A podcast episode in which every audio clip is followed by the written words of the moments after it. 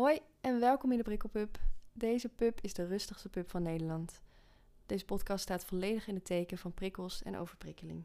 Steeds meer mensen die mij ook mailden van... hey, eh, mag ik van je leren? En dat vind ik super leuk en dat doe ik heel graag. Maar ik kan dat gewoon niet meer voor niks doen. En dus al vanaf jongs af aan dacht ik... ik, ik ben zo anders dan anderen. En ik moet kennelijk dingen doen die iedereen leuk vindt, behalve ik...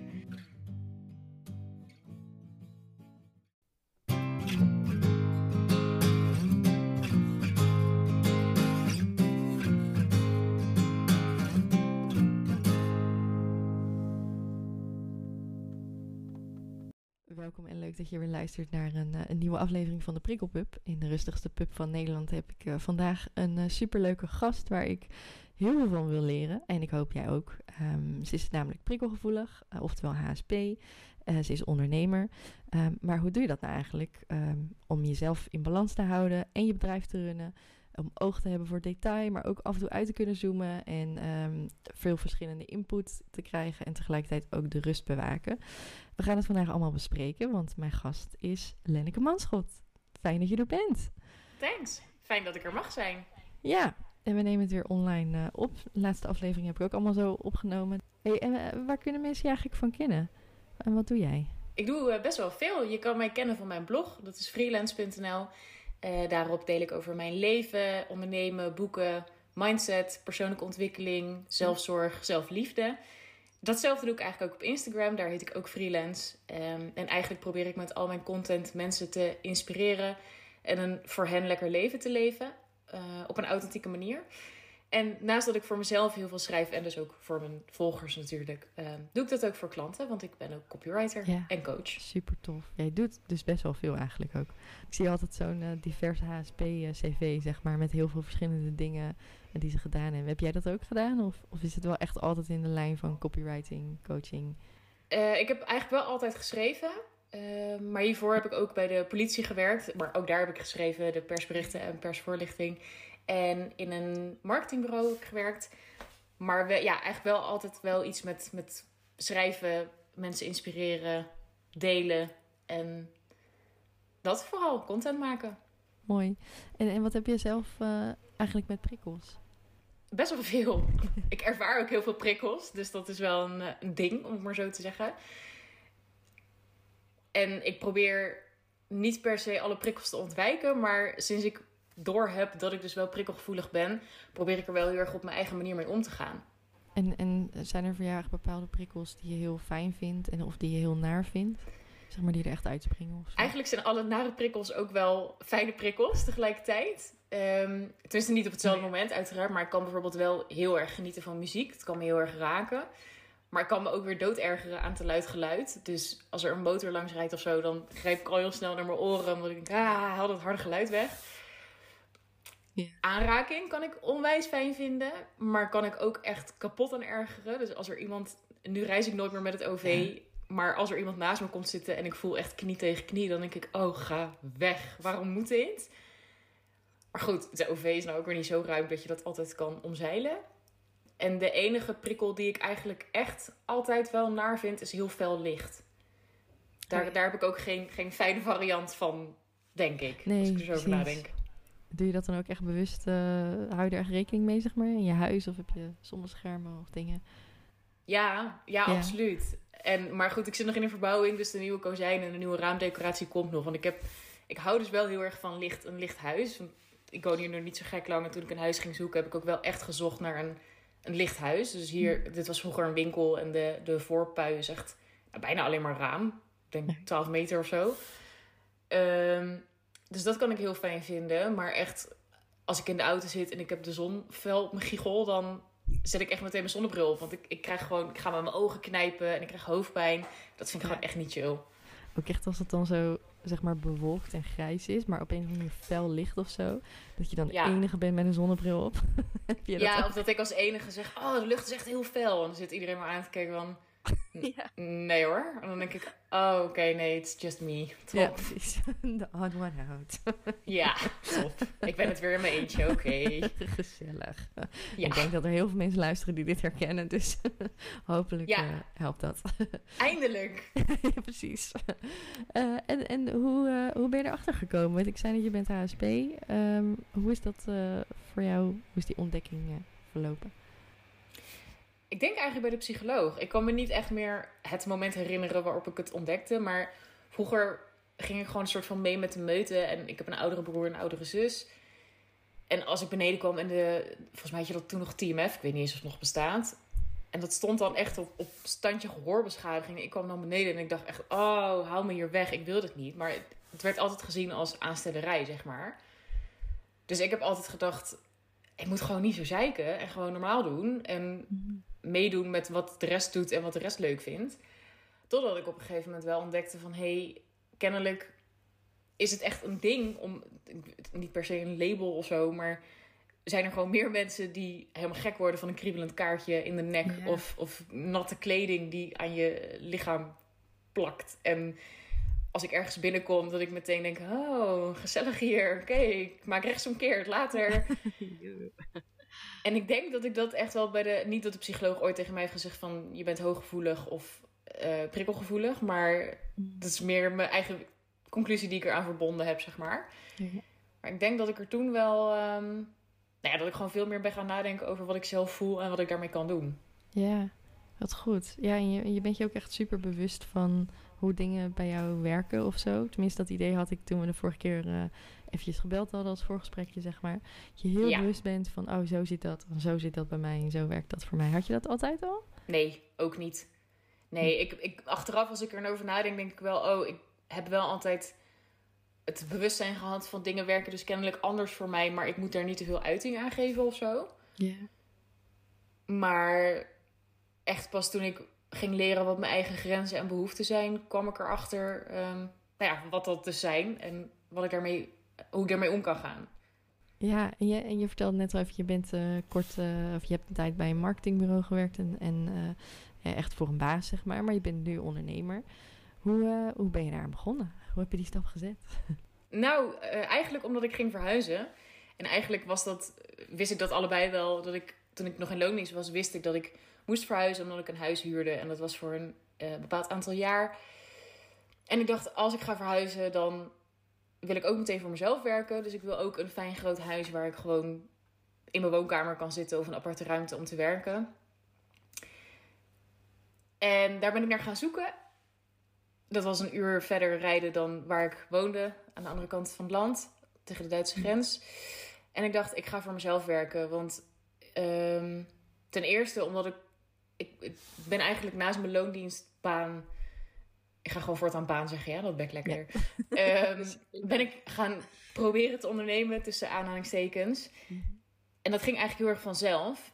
Ehm, en ik dacht, als ik er nu nog niet zo heel veel tijd in stop in acquisitie, in, in mijn bedrijf uitbouwen en het loopt al zo goed, hoe moet het dan gaan als ik wel daar volle focus op ga krijgen?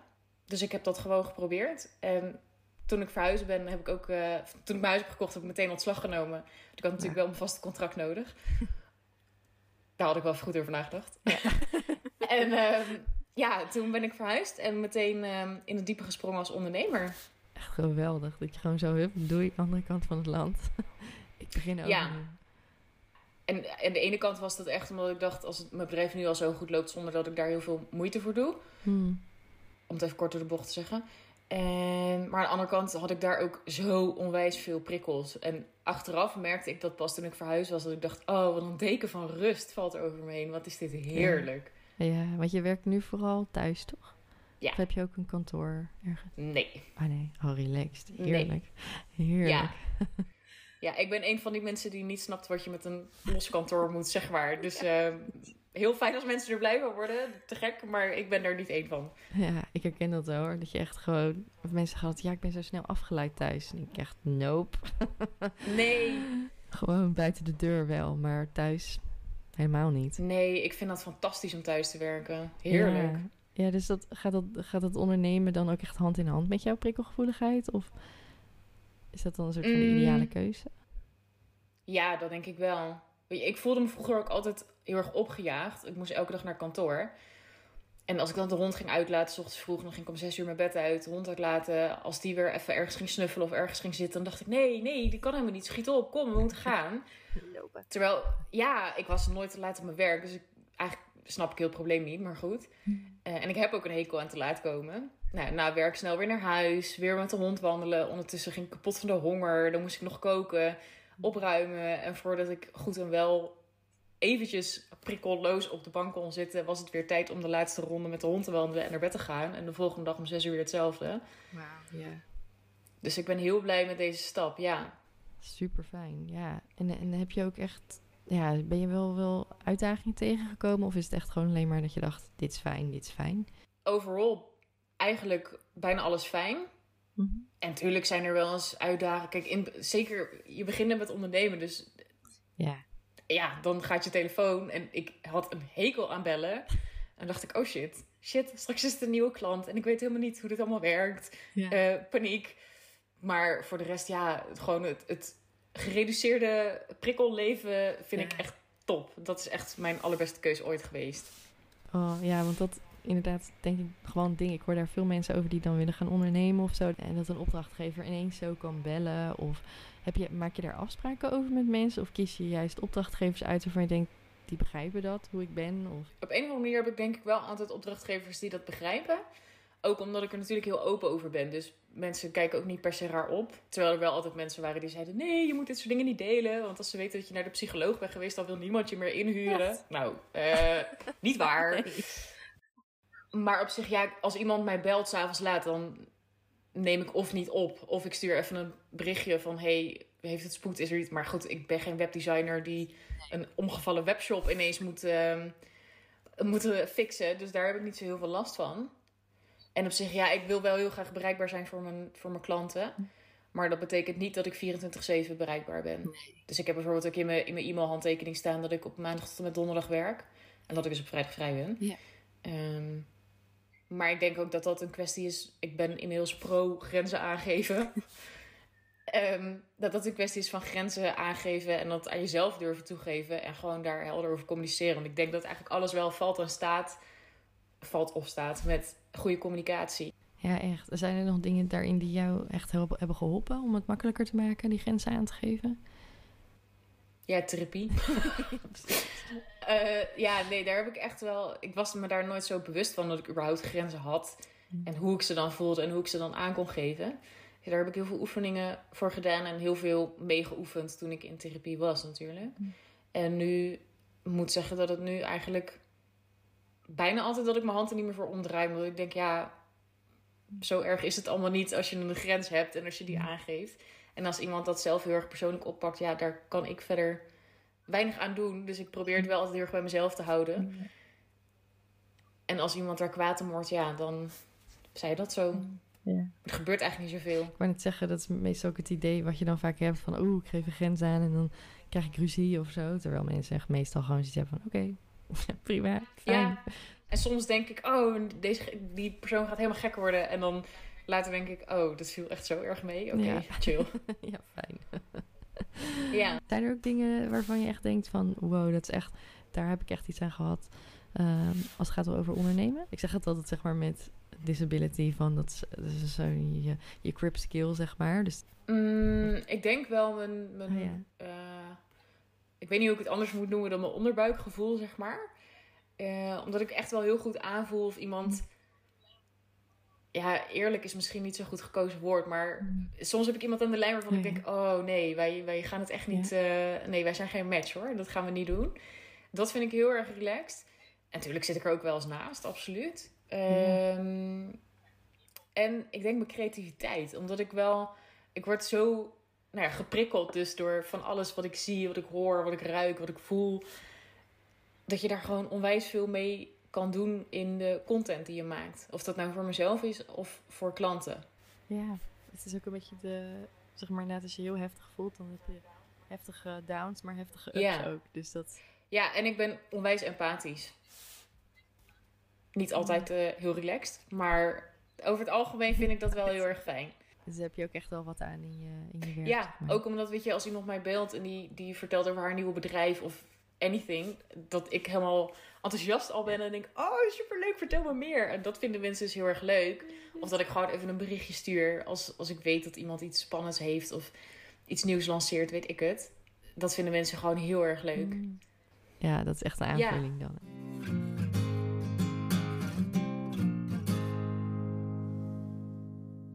Ondernemen sluit natuurlijk altijd wel aan bij als je bijvoorbeeld kernwaarde vrijheid hebt en het geeft superveel ruimte. Ja, en, en uh, hoe, hoe kan je dan eigenlijk toch je grenzen op een goede manier aangeven? Heb je, doe je nog iets speciaals als het gaat over indeling van je dag bijvoorbeeld? Ja, wel. Ik, ik heb een hekel aan vroege afspraken, dus dat doe ik niet. En niet omdat ik wil uitslapen, want I wish I could. Um, maar die plan ik dus liever niet vroeg in. Ook omdat ik gewoon weet van mezelf, ik ga er gewoon lekker op als ik mijn, mijn eigen ding ochtends kan doen. En dan aan het begin van de middag of net voor de middag of uh, einde van de dag vind ik ook niet zo heel relaxed om afspraken te hebben. Dus daar hou ik eigenlijk altijd wel rekening mee. Um, ik wandel veel, dus ik ben gewoon ook veel buiten. En als iemand me dan belt, ja, dan zul je toch even moeten wachten. Of ik heb mijn computer niet nodig, dan kunnen we het gesprek gaan voeren. Dat is verder niet zo erg. Tenzij ik echt denk, oh, ik wil nu heel even alleen zijn, dan neem ik ook gewoon niet op. Of ik neem wel op en ik zeg, ik bel je straks terug. Um, dus ja, ik, ik, ook met plannen, ik ben echt een, een efficiënte meid. En ik, ik hou heel erg van, van dingen timen, zodat ik gewoon weet, oké, ik kan dit nog precies dan doen. Omdat ik weet dat ik overweldigd kan raken door naar een planner te kijken en te denken: oh nee, ik moet nog zoveel doen. Wanneer ga ik dit doen? Terwijl het zo zonde is, omdat ik, nou ja, toevallig was het gisteren, ja, had ik even broodjes in de oven en die moesten er acht minuten in. En in die acht minuten kon ik precies even de keuken stofzuigen. Dat vind ik gewoon top om dat soort dingen tussendoor te doen, zodat ik gewoon ook na mijn werk klaar ben in principe met de dag. Uh, heb ik nog meer van dat soort regels? Nee, volgens mij niet. Ja, dat ik gewoon heel eerlijk en integer wil zijn naar mezelf, maar ook naar anderen. En dat dat me wel altijd helpt in een goede verstandhouding, denk ik. ik bedoel, het is natuurlijk makkelijk om afgeleid te raken of te denken van... je ziet online dingen en je denkt dan van... oh, zo moet ik ook zijn of zo. Dat vergelijk is super menselijk natuurlijk. Ik vind dat altijd wel lastig. Ja, ik heb dat dus niet zo. Ik, uh, ik hoor dat heel veel van mensen dan op sociale media, weet je wel, dat, dat, daar zie je de ene knappe meid met uh, dure auto's en enorme huizen en succesvolle banen en weet ik veel wat. Maar ik, ik moet zeggen dat dat me eigenlijk niet zo heel veel doet. Ik vind dat niet zo, uh, niet zo belangrijk eigenlijk, zeg maar. Uh, en misschien is dat ook omdat ik zelf omdat ik mezelf misschien ook wel gewoon zie als succesvol. Dat heeft helemaal niet per se te maken met hoeveel geld ik verdien. Waar ik zeker niet over wil klagen. Um, en dat mijn bedrijf onwijs goed loopt. Maar meer, ik ben gewoon zelf heel tevreden met wat ik heb. Terwijl ik ook altijd wel meer wil hoor. Maar ik geloof heel erg in dat die twee dingen gewoon naast elkaar kunnen bestaan. Zodat je en tevreden kan zijn en meer kan willen. Um, maar daar heb ik niet zoveel last van. Ik ben wel heel snel afgeleid. En als ik een vlieg zie, dan uh, zit ik dat helemaal te volgen. En ik heb een hond die de hele dag heen en weer loopt. En nou ja, hij slaapt vooral heel veel. Maar dat ik denk, oh, weer even knuffelen. Of, um, nou ja, ik woon ook aan een straat, dus er lopen ook vaak mensen langs. Maar ik draag dus wel altijd mijn noise cancelling koptelefoon, zodat ik in ieder geval ook het geluid kan filteren. Ook al woon ik in een natuurgebied en is het vooral vogels wat ik hoor. Maar ik vind het gewoon heel chill om in mijn eigen bubbel te zitten. Dus dat doe ik dan ook wel. En soms blokkeer ik ook echt wel internetwebsites van Facebook, Twitter. Nee, Facebook gebruik ik eigenlijk niet. Twitter, Instagram. Zodat ik niet daar alsnog op ga zitten als ik mijn telefoon heb weggelegd. Om niet meer op sociale media te zitten. Ik las daar ook een blog over op jouw site. Over uh, in je eigen bubbel zitten en niet... Uh, uh, wat iets anders is dan oogkleppen op, zeg maar. Maar uh, niet te veel uh, negativiteit ja. binnenlaten en dat soort dingen. En door de gebeurtenissen van afgelopen week weer, verander ik echt in een soort nieuwsjunkie. Dus ik, en oh, ik heb sowieso ook geen push-notificaties aan op mijn telefoon, want dan word ik echt knetter. Ja. Maar dan zat ik wel weer even te kijken op nu.nl of weet ik veel wat. En nu dacht ik echt weer, oh nee, reset. Ik wil helemaal niet al dat nieuws binnenkrijgen. En ik weet hoeveel privileges ik heb dat ik dat kan zeggen. Mhm. Maar het is gewoon niet te doen als je. Ik ben zo empathisch ook. En ik denk dat het ook voor mensen die minder empathisch zijn geldt. Ik kan me gewoon niet druk maken over alle ellende in de wereld. Want ik zou er gewoon kapot aan gaan. Maar niet meer constant al het nieuws en alle negatieve prikkels. En dat geldt ook voor sociale media dat ik, ik volg heel weinig mensen. Omdat ik gewoon geen zin heb in mensen die heel veel Mm. klagen of weet ik veel wat. Dan denk ik, oh nee, laat me met rust. Ja.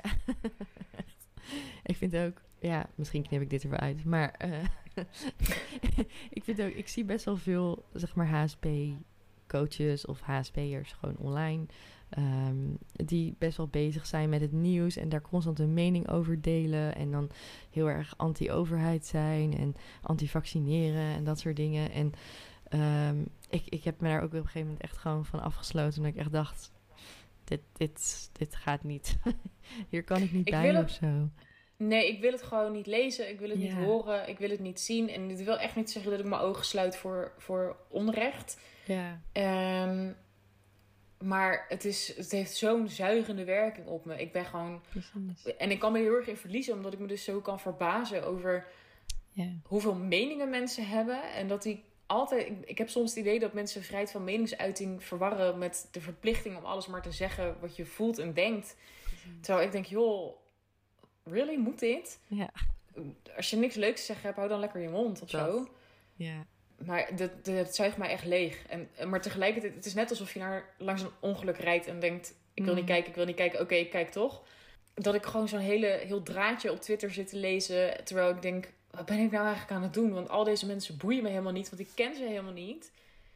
En toch zit ik ineens helemaal in hun ellende er middenin. En mm, ja, I'm out of here. Ik heb hier helemaal geen zin in. Ja, dat is denk ik echt sowieso echt een nadeel van empathisch zijn. Maar, maar Twitter is ook echt zo'n bak vuil dat je denkt... Ja, ik kan Twitter dus onwijs leuk vinden, maar Ja. soms denk ik, en ook daar volg ik heel weinig mensen, omdat ik anders echt helemaal eh, eh, overweldigd raak van alle Ja. prikkels die ik de hele dag door krijg. Ik heb het idee dat je best wel, voordat ik het voor je invul, maar dat je best wel zeg maar een fijne bubbel hebt ge- gecreëerd voor jezelf. Een fijn huis en je hond en fijn werk en fijne mensen en zo. Heb je dat allemaal heel bewust zo ingericht? Of is het ook op je pad gekomen? Nou, een beetje van allebei. Kijk, pas toen ik verhuisd was en hier echt zo'n deken van rust over me heen kreeg, dacht ik, oh, ik kan me gewoon niet meer voorstellen dat ik elke dag Ja. om zes uur opstond, rondwandelen naar kantoor, nou bla bla, wat ik net vertelde.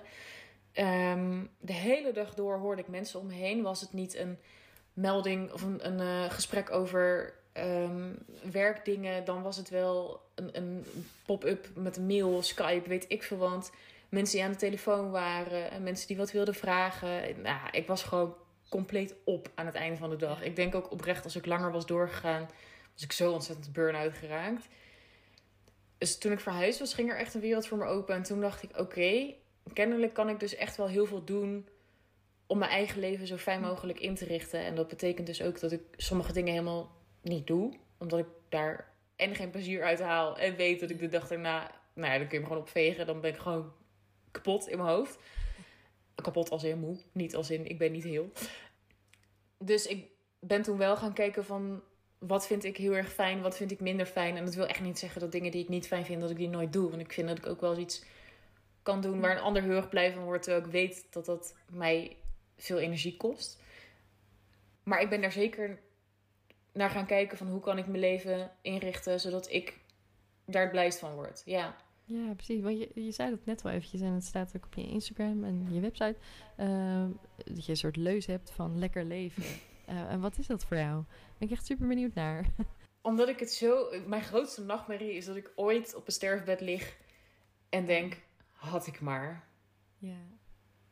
Dat lijkt me zo afschuwelijk. En als je dan ook verhalen leest... Ja, iedereen kent wel toch die verhalen dat, dat iemand zegt van... Oh, ik, ik wou dat ik meer naar mijn eigen gevoel had geluisterd. Ik wou dat ik minder gewerkt had. En dat soort dingen.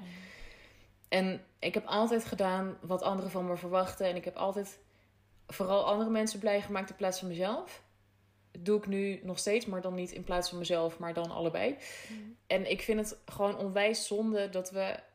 Nou, net als wat ik net zeg, weet je... We, dat ik elke dag naar kantoor ging. Ik vind het gewoon zo bizar dat, dat de norm... Ik denk dat het in de hele westerse wereld wel is. Dat je 's ochtends vroeg naar je werk gaat. Daar werk je de hele dag. Je blijft daar gewoon ook zitten tot vijf uur. Ook al was je om drie uur al klaar met je werk. Maar ja, ja, je baas betaalt je nou eenmaal. Dus je gaat daar gewoon twee uur eh Tetris zitten spelen of zo. Ehm, ja, YouTuber, ja. en ja, en je moet vrijnemen om naar een tandarts te kunnen. Je moet vrijnemen om naar een kapper te kunnen. Je moet vrijnemen om het leuks te kunnen doen. In het weekend doe je je boodschappen. Het- ik had altijd zo het gevoel dat ik geleefd werd. Dat ik op een gegeven moment, ik denk vlak voor mijn verhuizing, voordat dat hele proces startte, dat ik dacht, ik ga gewoon mijn leven inrichten zoals ik het wil. En ook al wil ik altijd mensen het beste geven en, en ze blij maken, dan nog zal ik mensen teleurstellen. Dus dan kan ik maar beter vooral mezelf blij maken. Omdat ik er ook wel enigszins van overtuigd ben dat ik het beste in het leven sta als ik goed voor mezelf zorg. En dat ik daarmee dus ook anderen meer kan geven. En ik vind helemaal niet dat uh, anderen meer geven de reden moet zijn om goed voor jezelf te zorgen. Want Hmm. Je mag gewoon goed voor jezelf zorgen. En Ja. ik hoop zo dat dat bij mensen steeds meer binnendringt van hey, het is jouw leven en als jij straks 100 bent, dan hoop ik vooral dat je gewoon terugkijkt en denkt: ja, ik heb het gewoon goed gedaan. Goed gedaan voor mezelf, goed gedaan voor de wereld, goed gedaan voor anderen. Het is goed zo. Super mooi je dat zo zegt. ik denk dat dat ook wel, zeg maar, je ziet heel veel mensen te veel om anderen geven en dan zelf burn-out gaan. Of juist andersom, dat ze alleen maar voor zichzelf le zelf leven, zeg maar. En die balans erin, dat is echt heel lastig. Ja, en ik, ik merk dat ook wel eens bij mezelf, omdat ik zo vaak hamer op. Ga dingen doen die goed zijn voor jezelf. Terwijl dat wil echt niet zeggen dat als er hier iemand op straat ligt die gevallen is, dat ik er gewoon omheen loop en dat ik denk: ja, hallo, ik heb honger, ik moet naar een snackbar. Eh, kom, hier heb ik geen tijd voor. Zo is het ook weer niet. Dus het is natuurlijk wel. Ja, goed, het is gewoon binnen de perken, maar wel wees gewoon goed voor jezelf en doe de dingen waar jij blij van wordt. Ook al worden andere mensen daar misschien niet zo blij van. Ja, ik denk dat we ook wel van ver komen, zeg maar, als, als maatschappij. Dat we, vroeger was er altijd zoiets van, ja, je helpt iedereen. Ehm, ik weet dat ik echt uit zo'n familie kom. Mijn opa en oma, die namen iedereen in huis. Helemaal niet letten op wat het met jezelf doet, zeg maar. En dat we daar, ja, zeg maar, vanuit die hoek zijn we nu echt al zoveel verder gekomen eigenlijk. Ja, en ik wil niet zeggen, ik bedoel, ik breng ook wel eens eten of dingen als ik denk, oh, oei, jij bent net geopereerd en je kan niet Ja. lopen. Ehm, eten is echt mijn liefdestaal, geloof ik. Ehm, maar niet meer ten koste van mezelf. En dat deed ik vroeger wel.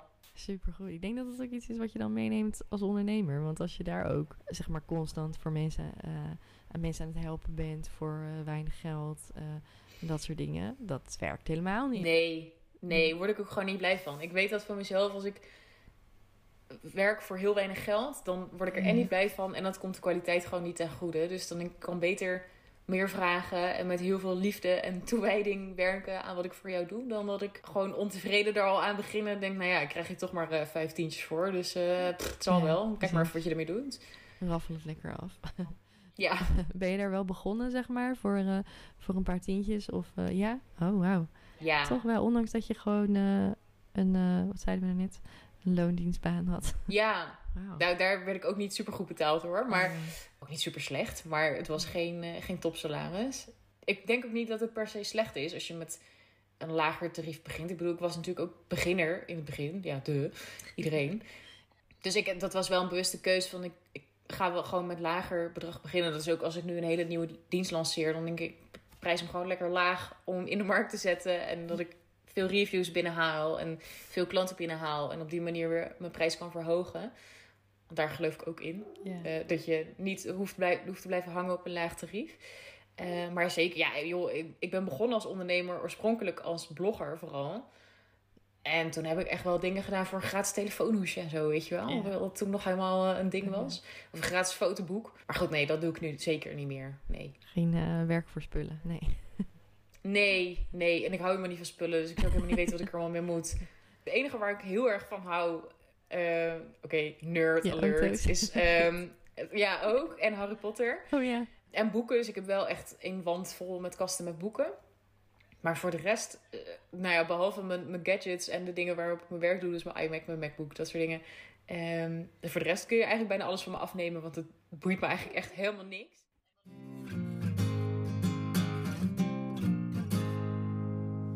Eh, maar ben je echt bezig geweest met, eh, met, die, met dat geld, zeg maar? Met je money mindset, zoals je vaak veel ondernemers hoort over die term. Ja, ja je moet natuurlijk een ton omzetten per jaar, anders hoor je er niet bij. Ja, ik net Dit was sarcasme, voor de duidelijkheid. Maar ja, nee, absoluut. Om, net zoals ik vroeger niet zo bezig was met mijn eigen behoeften en mijn eigen grenzen, had ik ook niet superveel eigenwaarde. En ik denk dat ik me daar toen nog niet eens zo super bewust van was. Maar als ik er nu op terugkijk, denk ik, Len, kom op. Dus daar heb ik zeker wel aan gewerkt. Omdat ik, weet je, op een gegeven moment ga je grotere klussen krijgen. En moet je een offerte uitbrengen. En nou, moet niet, Mhm. maar dat wilde ik. Dat deed ik. En dan was het 3000 euro of zo. En dacht ik, 3000 euro, weet je hoeveel dat is? Dus toen moest ik wel telkens mezelf weer eventjes bij de les houden en zeggen... Len, je doet gewoon goed werk. Je hoeft niet alleen betaald te worden voor je tijd. Je moet ook gewoon betaald kunnen worden voor de kennis die je erin stopt. De waarde die je levert. Want is- ja, ik vind het onzin dat heel veel mensen alleen maar voor de tijd worden betaald die ze erin stoppen. Terwijl ik denk, weet je hoeveel jaar werk erin zit om precies. te komen waar ik nu ben. Eh, en hoeveel waarde het oplevert voor de klant. Ja, en ook met, dat, zelfs met offertes of eh, facturen versturen. Dus ik dacht, oh, ik ga nu een factuur versturen. En ik moet echt even tegen mezelf zeggen, Len, je hebt voor dit geld gewerkt. Je mag Ja. dit verdienen. Het is oké. Ik ben er echt wel heel bewust mee bezig geweest, ja. Zijn er nog dingen die jou geholpen hebben? Eh, boeken, podcast? Natuurlijk je psycholoog. Ehm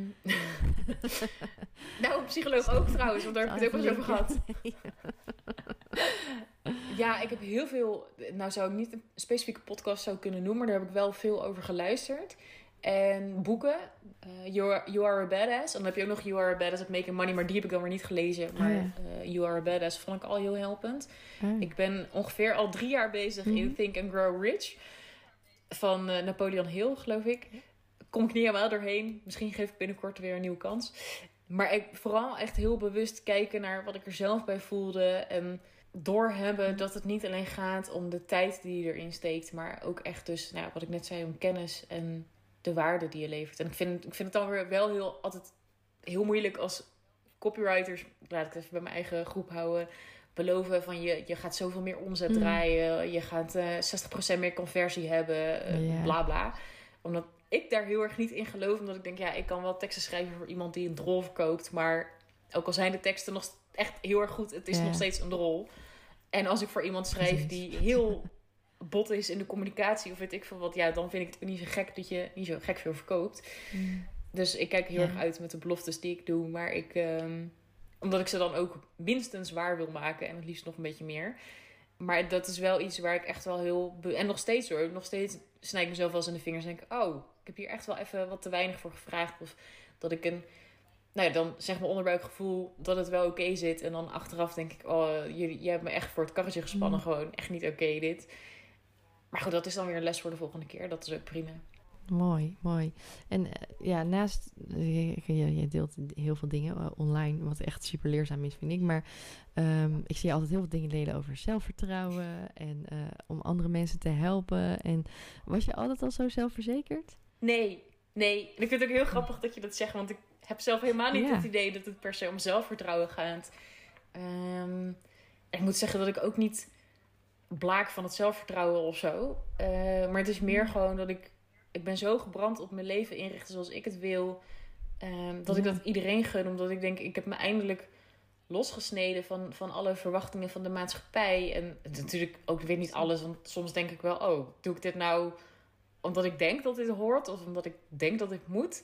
Ja, Of, het is zo geconditioneerd, ja, zeg maar. of doe ik dit Ja. nu omdat ik dit echt heel graag zelf wil? Ehm, maar ik ben eigenlijk altijd heel erg onzeker en voorzichtig geweest. En daar ben ik nog steeds wel eens. Ik bedoel, als ik een nieuwe klus krijg wat ik nog nooit heb gedaan, denk ik, oh, paniek. Hoe ga ik dit doen? Mm. Maar en ook dat wil ik dus wel laten zien. Want ik wil mensen niet het idee geven dat ik altijd fluitend door het leven ga. En dat ik geen enkele angst ken of geen enkele onzekerheid. Dat is gewoon niet waar. Ehm, maar ik moet wel zeggen, nou, wat je net zei, aldoende leert men. Zeker in het ondernemen. Kijk, in het begin was ik, zat ik echt wel met samengeknepen billen. En dacht ik, oh shit, ik ga nu mijn, mijn teksten aanleveren. En zal het wel goed genoeg zijn? En straks vinden ze het super slecht. En dat is letterlijk nog nooit gebeurd. Dat is niet waar, één keer is dat gebeurd. Ehm, maar ik denk ook gewoon dat dat wel bij het leven hoort. En ik denk ook dat onzekerheid ergens wel in je voordeel werkt of kan werken. Als het niet doorslaat dan natuurlijk. Omdat je wel altijd je best blijft doen. En dat vind ik wel heel belangrijk. Ja, dat is wel mooi hè, hoe je dat zegt. Dat het dus onzeker, door onzekerheid blijf je je best doen. Nee, nee. En soms, weet je, als ik me onzeker voel, dan denk ik ook wel... Oké, ik voel me nu onzeker, want het is iets wat ik nog nooit heb gedaan. Of het is een klant waar ik voor Hmm. werk, waar ik onwijs blij mee ben. Omdat ik, weet ik veel, het is echt mijn droomklant, geen idee. Dus het houdt me wel, het houdt me gewoon scherp. En dan denk ik, hé, kennelijk is het een signaal van je gaat nu groeien. Je gaat nu iets doen wat je spannend vindt. Hmm. Ehm, ja, en dan kan ik ervoor kiezen om het niet te doen. Omdat onzeker zijn voelt natuurlijk niet altijd lekker. Maar achteraf denk ik wel, nou, lekker. Die heb ik wel in de pocket.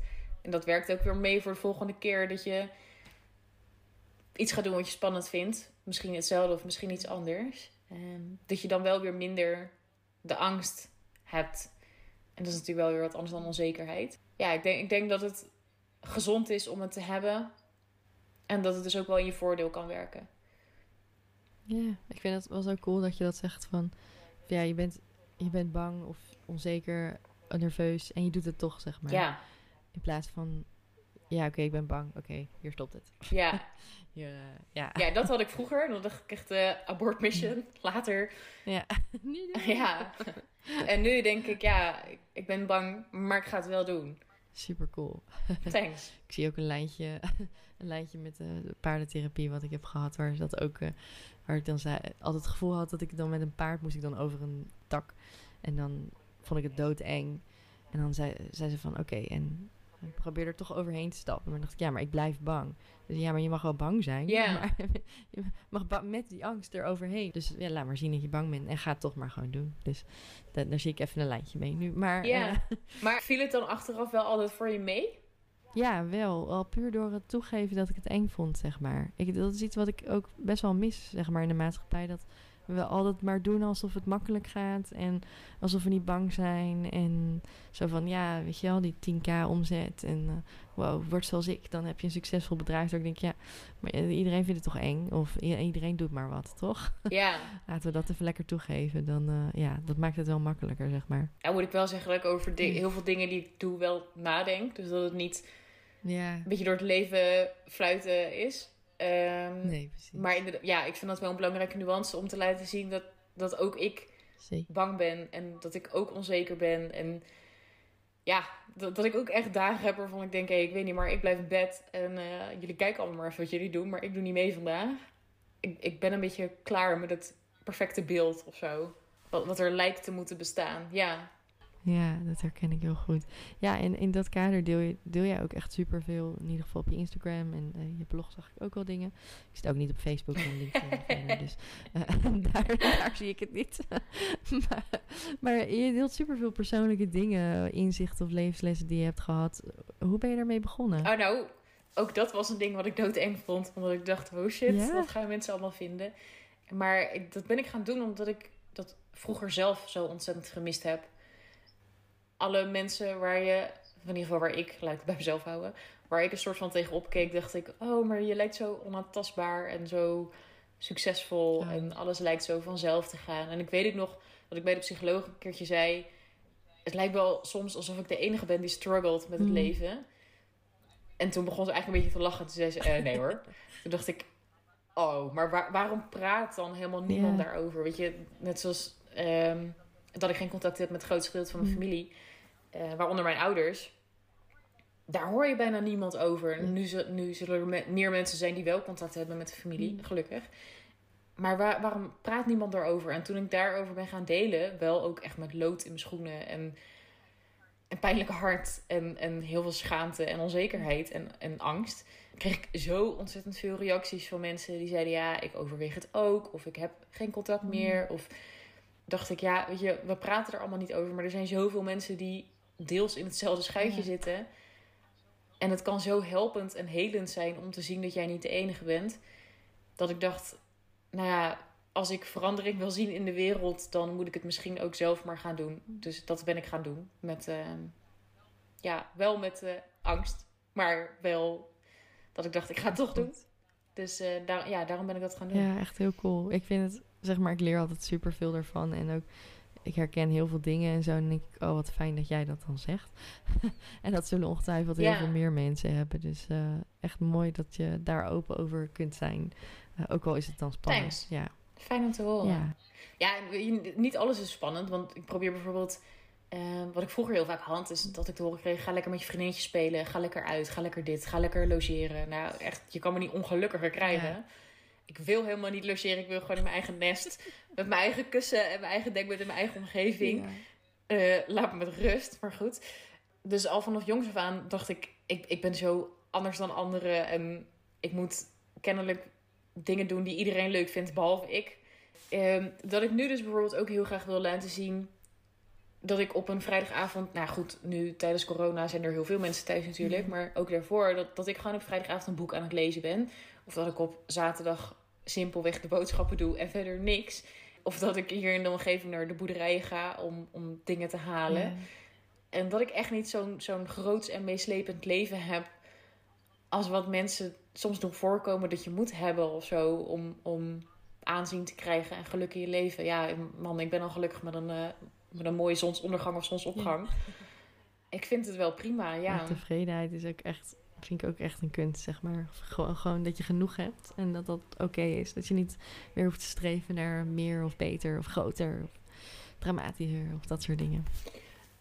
Ja, ja en ik- wat ik net ook al zei, ik geloof er dus wel heel erg in dat dat naast elkaar kan bestaan. Ja. Dat je dus, wat, ik- wat ik ook wel eens naar mijn hoofd krijg, is ja, maar jij wil altijd meer. Terwijl ik denk, ja, ik vind dat juist een, een ik wou normaal zeggen, maar dat, nou ja, goed, je snapt wat ik bedoel.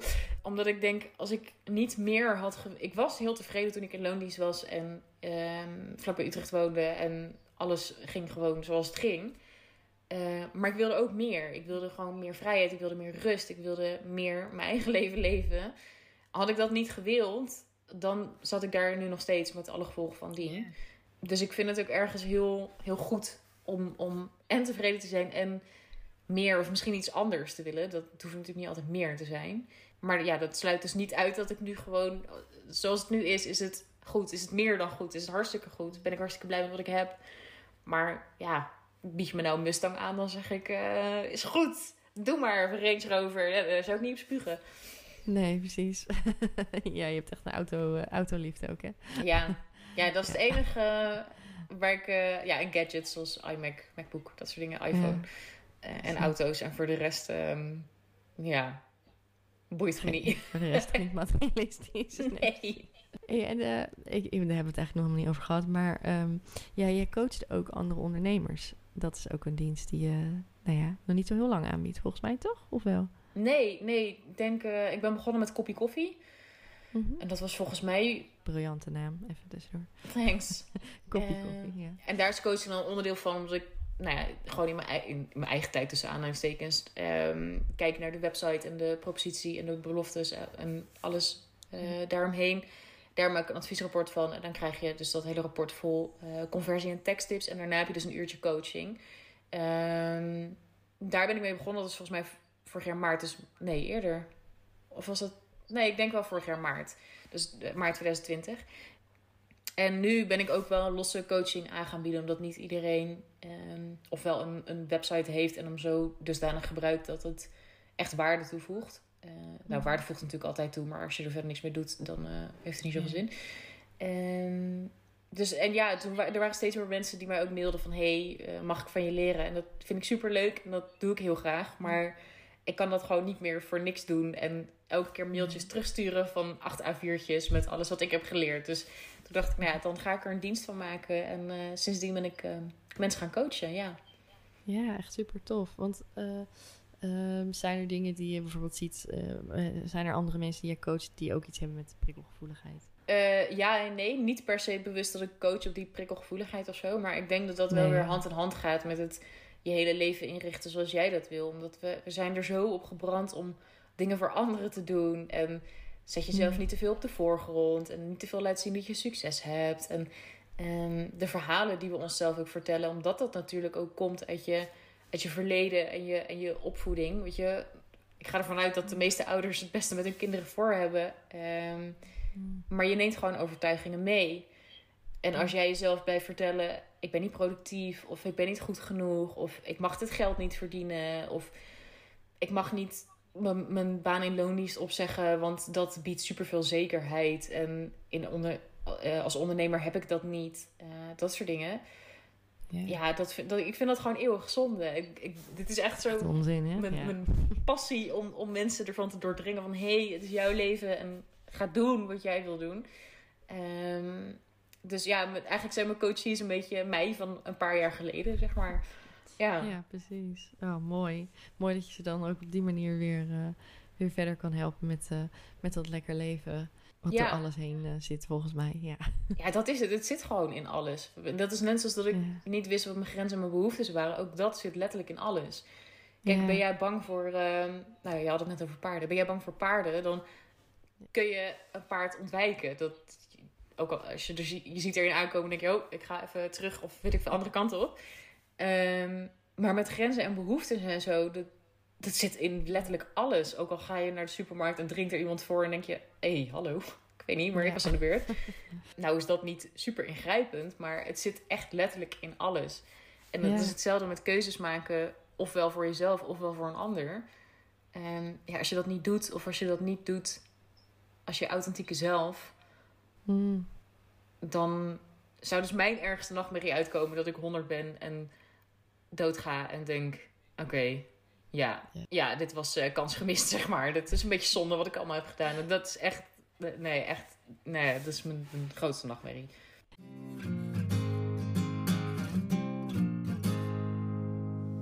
Is er, is er nog iets waarvan je denkt, dat is echt een droom die ik nog heb voor mijn bedrijf? Dat is nog iets wat ik echt wil doen. Dat is zo'n ding. Ik zit te twijfelen of ik het nu ga zeggen of niet. Oeh, ja. Ehm, sowieso wil ik heel graag een boek schrijven. Ja, dat las ik Ehm, al. Ja. Dat lijkt me onwijs leuk. En waar ik, me, ik droom echt totaal niet. Maar goed, dat zeg ik nu, hè. Dus dat kan over... Mhm. Dat kan morgen Ja, anders ja, zijn of eh, volgende week. Ehm, en het kan ook nooit anders worden. Maar goed, ik, ik streef helemaal niet naar een heel groot team. Of een, of een onwijs groot bedrijf met, met 30 medewerkers. Ehm, nee, daar streef ik helemaal niet naar. Maar het lijkt me wel Mhm. heel lekker om makkelijker, nou niet, misschien niet makkelijker, maar minder uren te investeren en wel meer geld te verdienen. Dus Ja. ik ben wel aan het kijken naar een soort van cursus die ik wil ontwikkelen. En misschien komt hij er helemaal niet hoor, dus eh pin me hier niet op vast. Maar dat lijkt me onwijs leuk, ook omdat ik gewoon... Kijk, mijn, mijn tijd is gewoon gelimiteerd, net als van ieder ander.